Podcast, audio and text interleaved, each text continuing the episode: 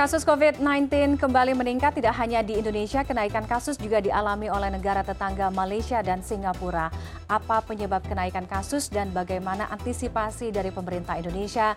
Bergabung Siti Nadia Tarmizi, Kepala Biro Komunikasi dan Pelayanan Publik Kementerian Kesehatan RI. Selamat sore Bu Nadia. Selamat sore Mbak Tiffany, salam sehat. Salam sehat Bu Nadia.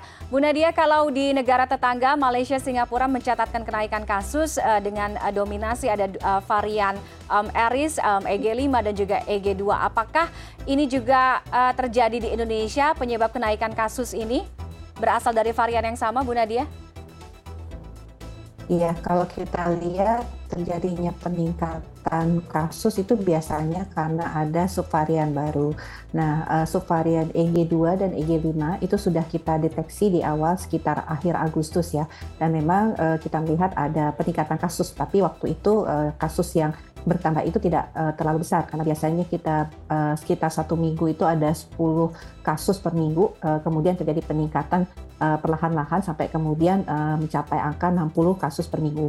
Nah, minggu kemarin itu dari data surveillance kita merupakan jumlah kasus terbanyak yang kita uh, dapatkan atau yang dilaporkan sejak dari uh, Maret 2023 dan uh, kalau kita lihat kenapa terjadi peningkatan ini karena uh, kemungkinan memang uh, peningkatan kewaspadaan ya ditambah lagi memang kita tahu bahwa masyarakat kita himbau ya untuk lebih waspada bukan hanya uh, terhadap gejala COVID tapi juga gejala pneumonia yang kebetulan gejalanya hampir sama yaitu batuk, pilek, demam dan sakit tenggorokan.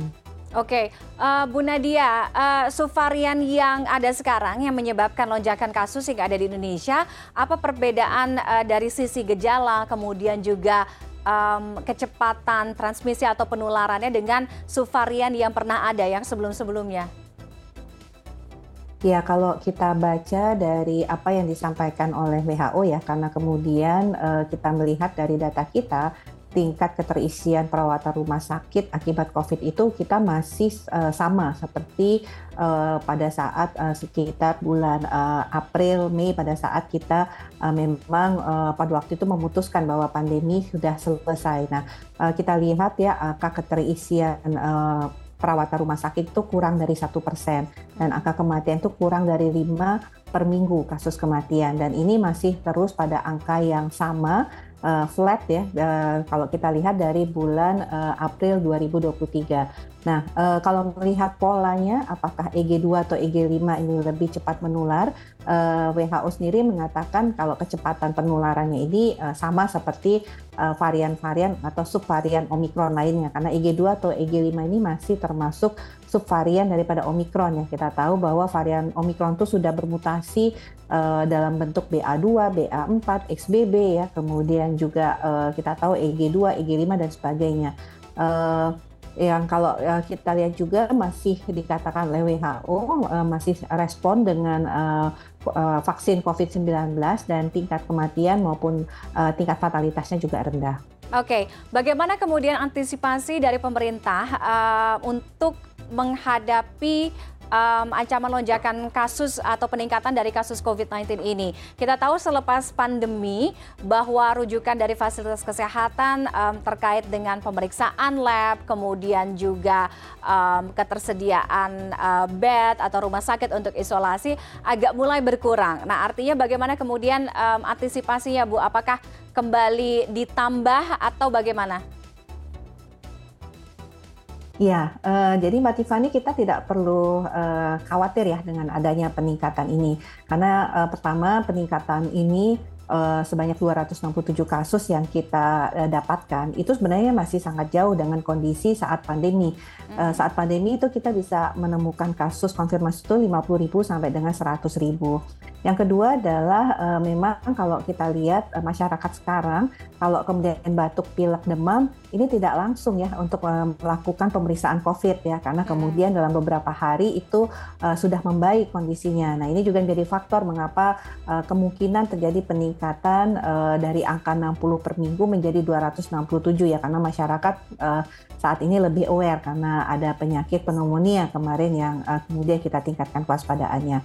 Nah, tetapi di sisi lain kita juga melihat data. Tadi saya sampaikan bahwa uh, tingkat keterisian uh, orang dengan sakit berat uh, COVID-19 ataupun juga yang membutuhkan ICU karena COVID-19 itu masih sangat rendah sehingga uh, kita tidak melihat perlu adanya penambahan-penambahan uh, ruang-ruang perawatan ataupun ruang-ruang uh, isolasi. Uh, dan kita lihat juga bahwa sebagian besar kasus yang uh, positif tadi sebenarnya tidak membutuhkan perawatan karena tidak ada kemudian tadi peningkatan kasus di rumah sakit ya untuk dirawat. Oke, dengan adanya peningkatan kasus COVID-19, kemudian juga saat ini ada uh, pneumonia, apakah uh, pemerintah akan uh, melakukan pembatasan atau akan memperketat di pintu keluar masuk Indonesia?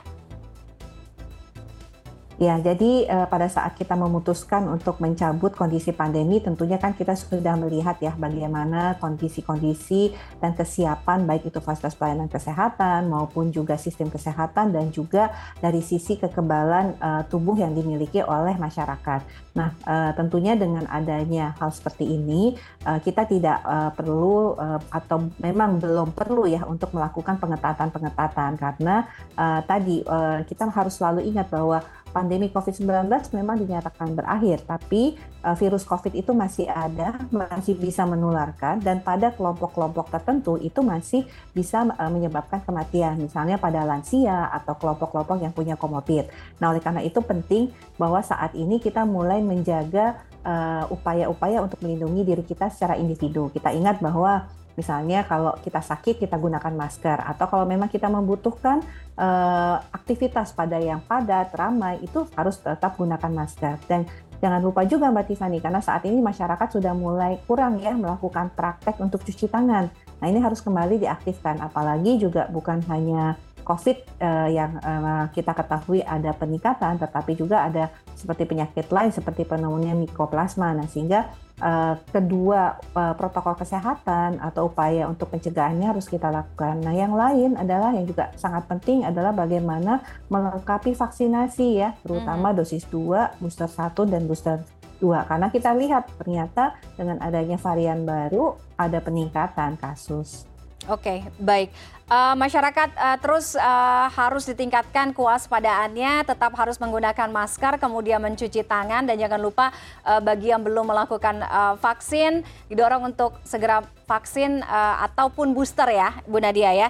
Terima kasih uh, Bu Siti Nadia.